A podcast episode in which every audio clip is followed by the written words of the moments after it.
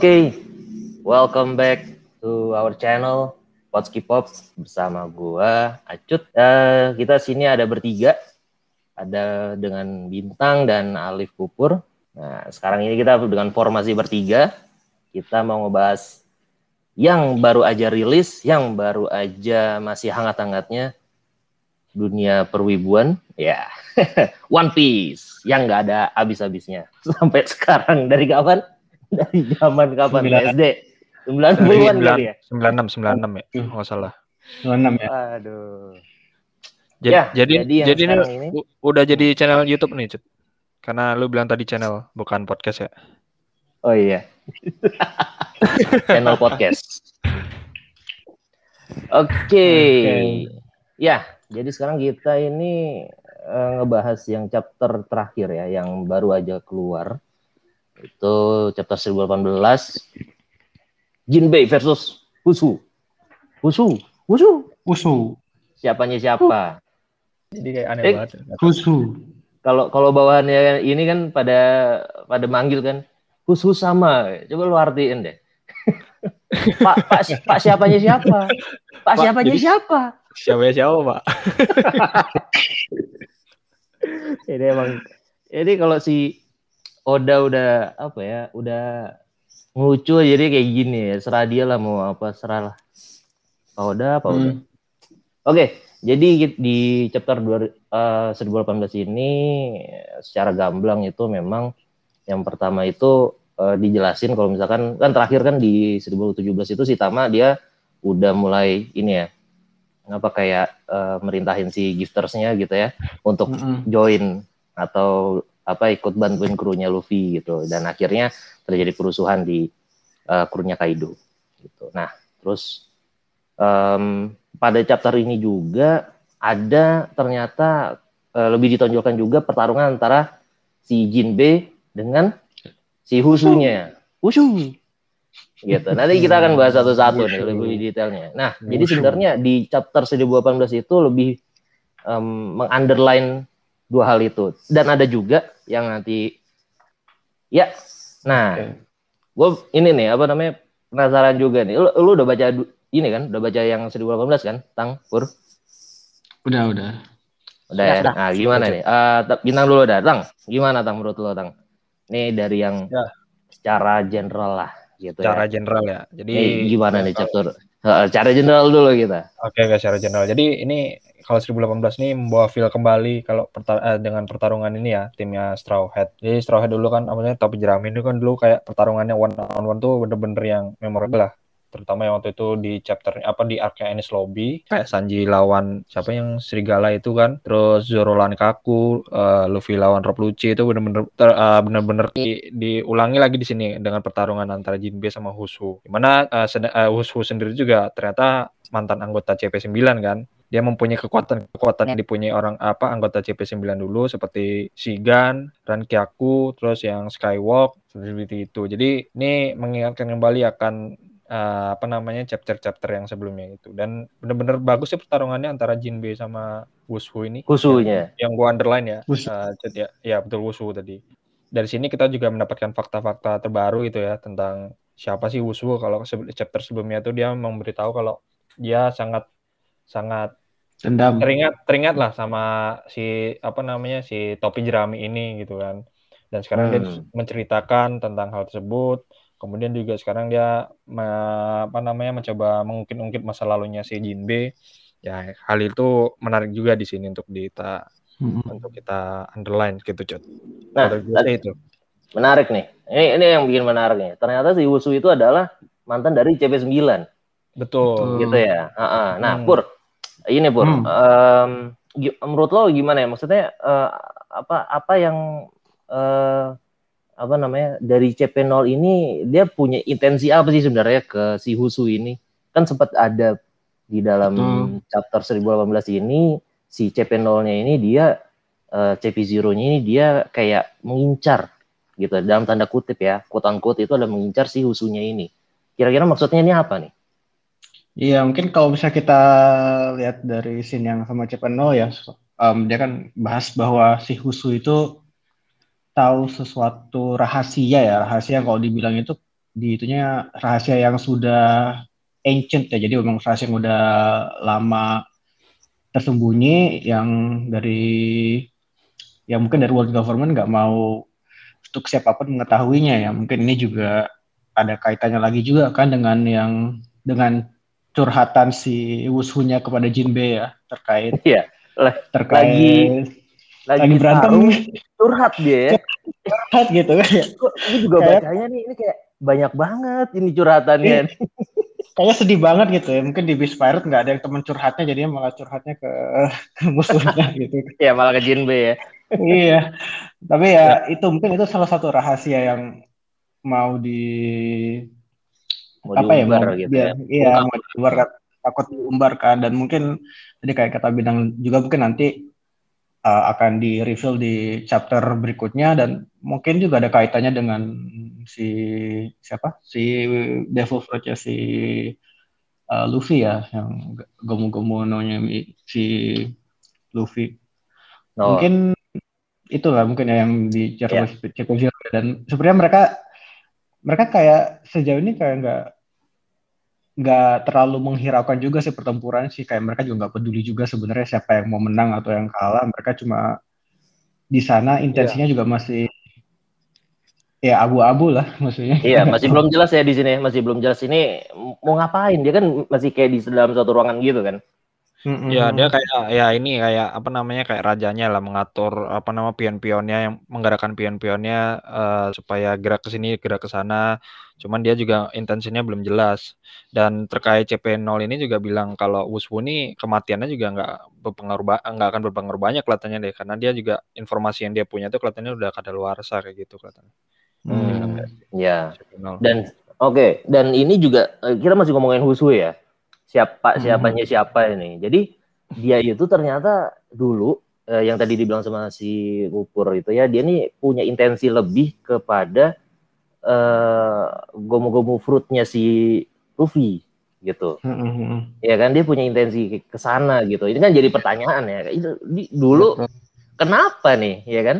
Dan dulu itu yang ngambil adalah si si Sheng. Si Fax, ya berarti benar si Lakiru informasi itu. Kalau yang gua lihat-lihat tuh yang si apa namanya anggotanya Sengs yang yang gemuk yang pakai baju hijau garis-garis Hmm, hmm.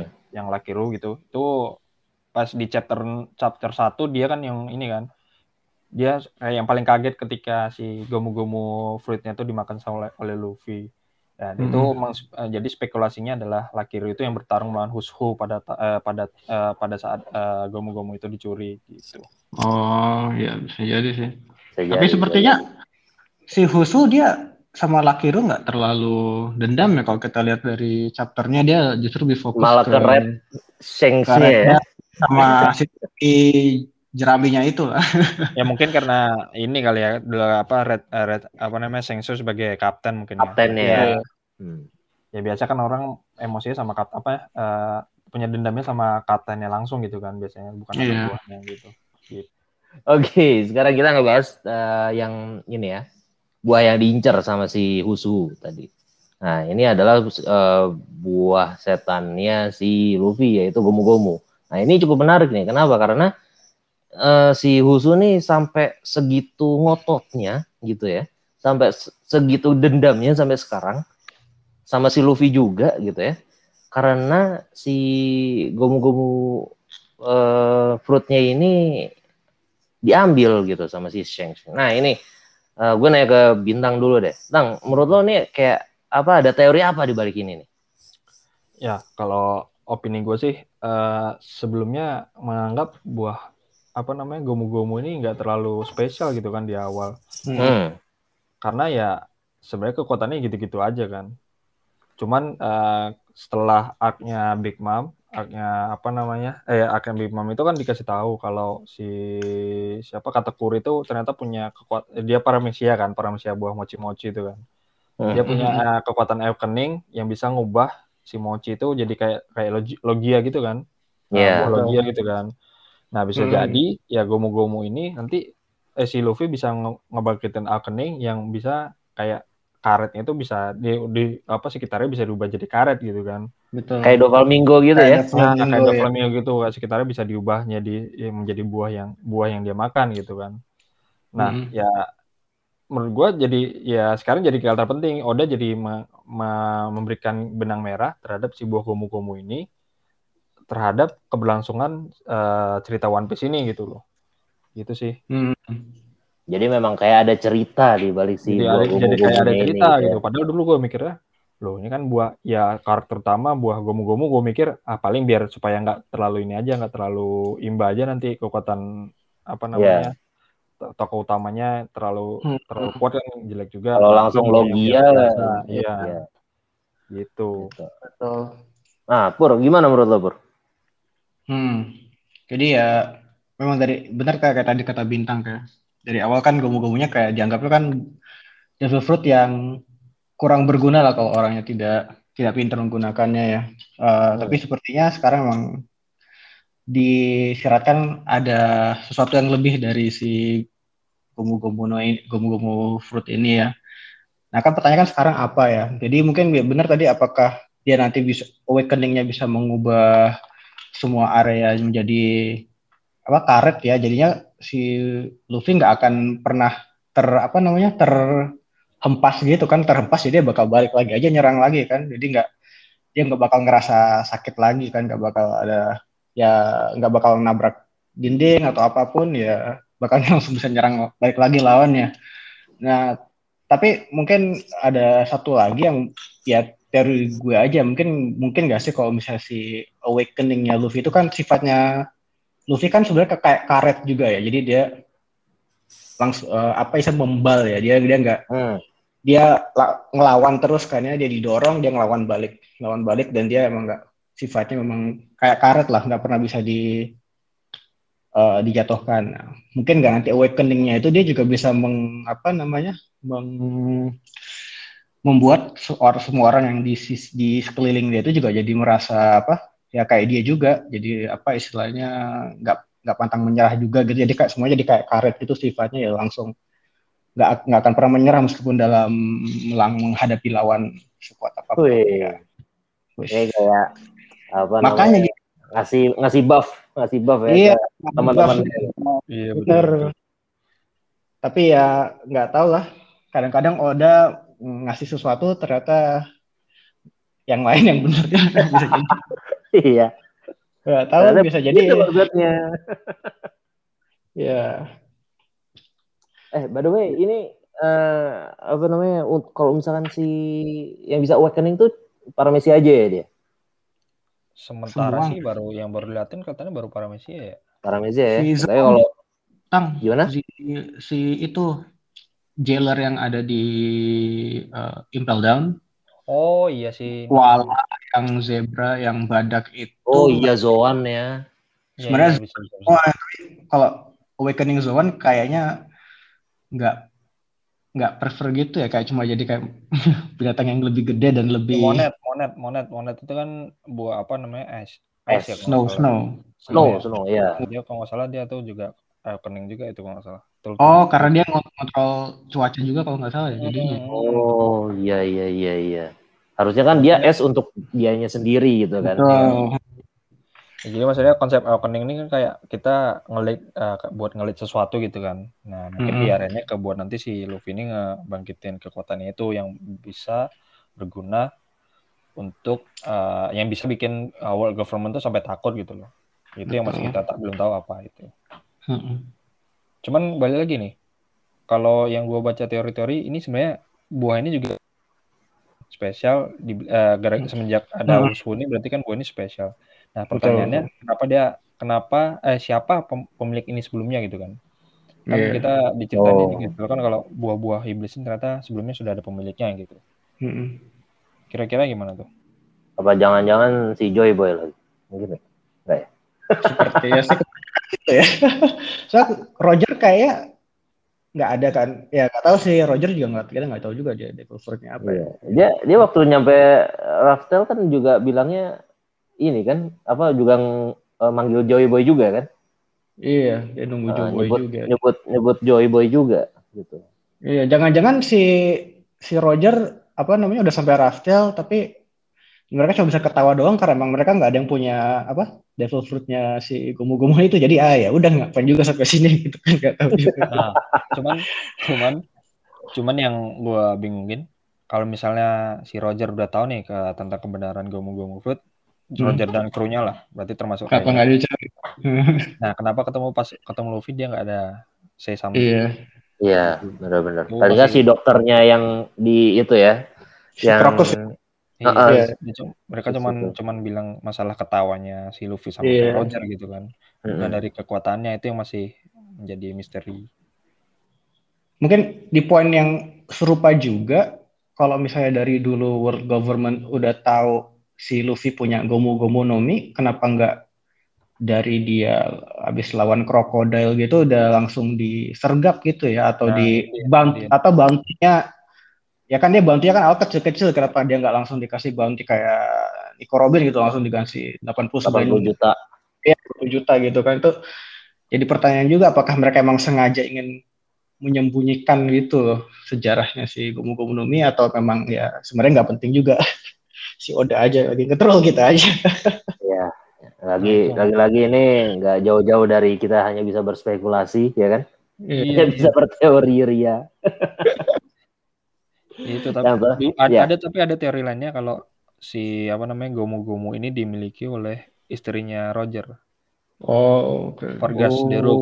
Jadi eh, teorinya itu adalah bilang kalau si ibunya Es ini dulu kan lahir eh, Es itu lahirnya di atas 9 bulan ya, sampai berapa? Puluh Ya, bulan. ditahan-tahan. Nah, Puluh, ditahan-tahan.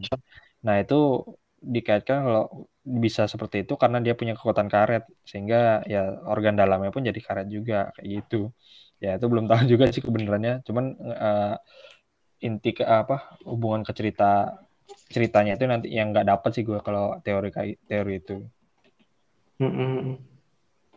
Karena kayak ya udah biasa aja kalau punya kekuatan itu terus kenapa gitu kan. iya Ya. Gitu. Harusnya Maksudnya ada ada- gitu.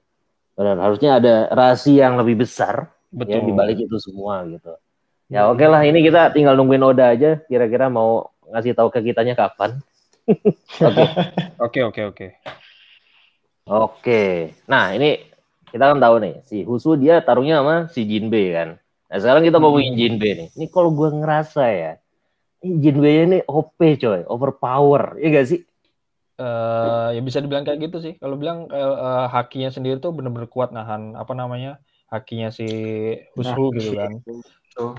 tapi itu Gimana kalau ya kan saya pertarungan haki kan juga waktu itu siapa pernah bilang ya? Eh, kalau nggak salah Mihawk juga bilang selama haki lo tuh lebih kuat daripada haki musuh lo, lo nggak bakal kalah gitu. Iya. Apalagi haki arna haki ornamennya ini kan kuat banget kalau kelihatannya si Jinbe kan. Jadi kayak. Mm-mm. Hushu pun nggak bisa nembus gitu. Oke. Pur gimana, Pur? Iya kalau gue lihat sih emang pada saat awal kan sempat nembus juga kan ya. Kalau pas Hmm. dia ngelempar apa tuh serangan pakai mulutnya Fang. Kayak belum serius deh. Iya, dia mulai seriusnya itu ketika si Husu udah bawa-bawa sejarahnya Fishman sebagai eh, sebagai slave ya, sebagai budak ya kalau kita lihat di salah satu panelnya ketika Husu nyebut mengaitkannya perbudakan dengan si Fishman itu dia langsung Mulai Kalau- sepaneng deh. Iya, kalau kanjinya itu dia kayak mulai giginya giginya tuh bener-bener ada suara gregetnya gitu, ger. Nah, habis itu kan baru dia sepertinya mulai serius, dia mungkin mulai serius meningkatin hakinya terus patah jarinya si siapa sih Busu. Husunya sampai patah jadinya ya. Iya. Iya. Itu conqueror pelajaran sih. aja itu. Ada petir-petirnya gitu juga kan, tapi itu conquerors atau armament armament biasa aja ya? Kelihatannya biasa aja deh. Emang ornamennya kuat Oke. banget gitu kan, sampai sampai patah uh, Hmm. sidennya si Husu. Makanya ini perja- ini sebagai lesson learn lah ya, sebagai pembelajaran, Iya, betul. pembelajaran lo jangan ngungkit-ngungkit masalah lo yang inilah, yang gak enak di hati lah, boy. Betul. Kuat banget sih emang Jimbe Nah. cocok banget lah. Uh, uh. Oke, ini kita sekarang ngomongin teori nih ya. Tadi kan di- sempat dibilangin sama si Kupur. Kalau misalkan eh, si siapa namanya Husu tadi apa kayak nge- lagi lagi curhat ya, curhat sama Jinbei nih dalam tanda kutip tentang eh, Sun Warrior Nika gitu. Nikah ya. Lo, ah, Pur, lo punya ini nggak? Kayak kayak ada semacam ya teori lah atau apa gitu tentang ini Nikah apa ya. si nikah nih.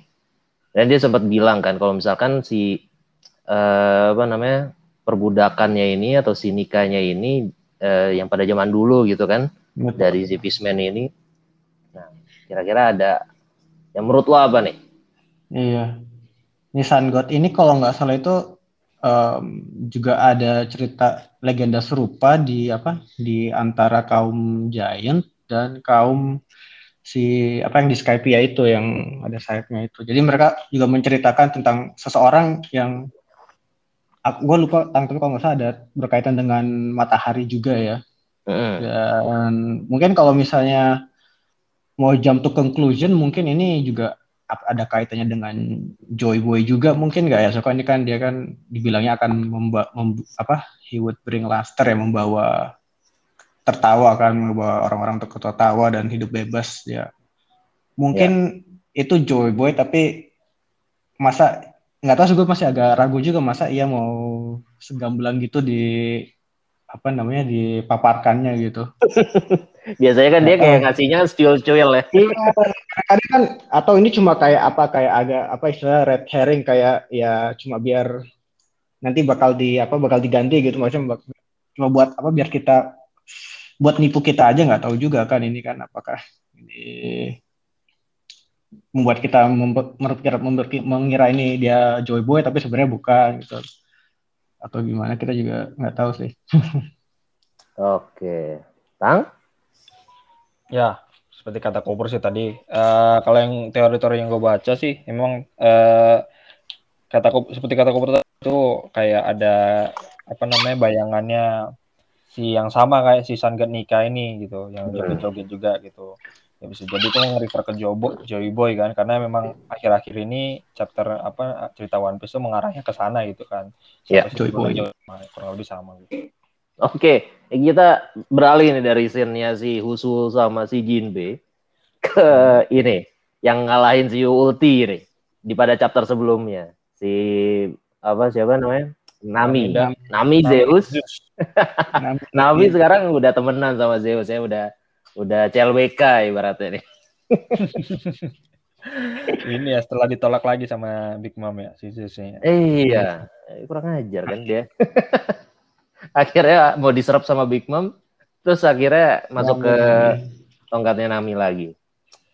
Nah, ini kaget. akhirnya hmm, gimana ya, karena ya sempat kaget kan awalnya bentuknya pas kan dia dimakan tuh kan sama Big Mom kan apa soulnya si Zeus itu kan Hmm. dia Hmm. dimakan sama si siapa sih Hera ya yang baru tuh ya Hera tuh kan dimakan Ya. Hera tahu-tahu kan sebelumnya si Nami ngasih Black Ball itu masih awan-awan kan kecil ya. kebiasaan Hmm. ya taunya di chapter apa senjatanya Nami Tongkat attack-nya ya. Attack, itu ya. oh bisa mas Hmm. padahal Zeus kan bentuknya juga awan ini kok Dan dia bisa Berubah bentuk ya. iya bisa jadi Iya jadi apa? Jadi Jadi kayak hammer. Iya jadi mace itu kan. Jadi mes, iya, kayak mesnya Kaido ya. iya betul banget Oke. Kalau menurut gua jadi kayak gini, maksudnya biasanya kan Oda tiap ada pertarungan yang penting kayak waktu itu di Enies Lobby kan semua Ada upgrade. karena ya Nami ya cuman awalnya Clementa gitu aja kan. Sekarang ketambahan Zeus yang Betul. jadi partner bertarungnya gitu. Gitu sih. Iya. Jadi ya bisa buat Tambah. ini persiapan kesampaiannya gitu. Iya. Dan jadi Bener ya? Nami sekarang tambah imba ya. Tambah imbas sih harusnya. Tapi sempat Bur? kemarin ada beberapa apa namanya yang fandom itu pro- protes juga sih. Jadi pertarungan Serius Nami lu? sama ya maksudnya pertarungan Nami sama Ulti terlalu cepat gitu. Terlalu Kayak- cepat. Iya, terlalu cepat nggak kayak pertarungan Jinbe sama Husu ini kan agak lama kan. Hmm. Agak dua chapter. Nah, Nami Hmm. Ulti itu kan kayak ulti kena serang hilang, terus kedua udah kena satu serangan attack terakhir gitu langsung mati. Iya. Tapi tapi menurut gue ya nggak masalah karena ulti juga kena serang sama Big Mom sebelum eh, sebelumnya ada kena serang sama Big Mom juga kan. Itu ibarat di game itu critical hit tang. Sama Mom critical tuh. betul. Udah critical hit udah merah-merah itu waktu Iya. lawan yang kedua ini bangkit lagi kan dia mau nanduk Iya, si apa. Usop. Nah, itu udah sisa-sisa gitu. Dan mungkin tang karena pertarungan antara Ulti, Page One uh, dan Usop dan Nami itu memang sebenarnya sih lama, tetapi memang dipotong-potong kalau Iya, kayak kayak filler gitu ya jadinya ya. Iya iya. iya. Pertama udah udah udah hampir ya dia nge-headbutt si Usop kan sampai hampir Hmm. sekarat. Si Nami juga di di aniaya lah, tapi kan tuh si siapa tuh si Tama datang. Nah, terus kemudian si Big Mom Big Mom datang. Jadi emang agak beda dengan si Husu dan Jinbe di mana dipadatkan di apa? Jadi Dua chapter ya. dua ya. Kalau ini kan kayak dia mereka udah kepotong sama pertarungan Luffy di atas juga kan si Nami sama pertarungan Nami sama si Ulti. Mungkin nanti kali ya di anime di animenya mungkin dia lebih apa lebih apa namanya lebih ngeflow Ya, benar-benar. Lebih diperjelas lagi karena kalau di anime Iya. itu dia lebih mainin emosi, cuy. Iya. kan? Dia lebih lama habis itu makin mainin emosi kita sebagai penontonnya gitu. Nah, itu yang bikin gregetnya kalau nonton di anime beda Iya. sama di manga tuh itu. Kalau di manga kan orang yang gak sabaran beda bisa ngelihatnya di manga gitu kan. nggak sabaran baca gitu. Iya. Nah, pengen tahu development ceritanya kan. Eh, Oh, iya. ke mana itu kan. Gitu. Ya semoga sehat-sehat saya si Oda ya. Amin. Mm-mm. Karena lo membahas tentang anime sedikit. Ya, akhir-akhir ini kan pertarungannya di apa namanya arc-nya Wano ini kan agak kayak di skip-skip ya. Kayak pertarungan Di di, manganya. Iya, kayak di manganya itu agak di skip kayak pertarungan Kid sama Big Mom, pertarungan Luffy sama Kaido, Hmm. pertarungan. Nami sama Ulti gitu kan. Ya harapan sih kita sih mungkin ya Betul. di anime gitu kan.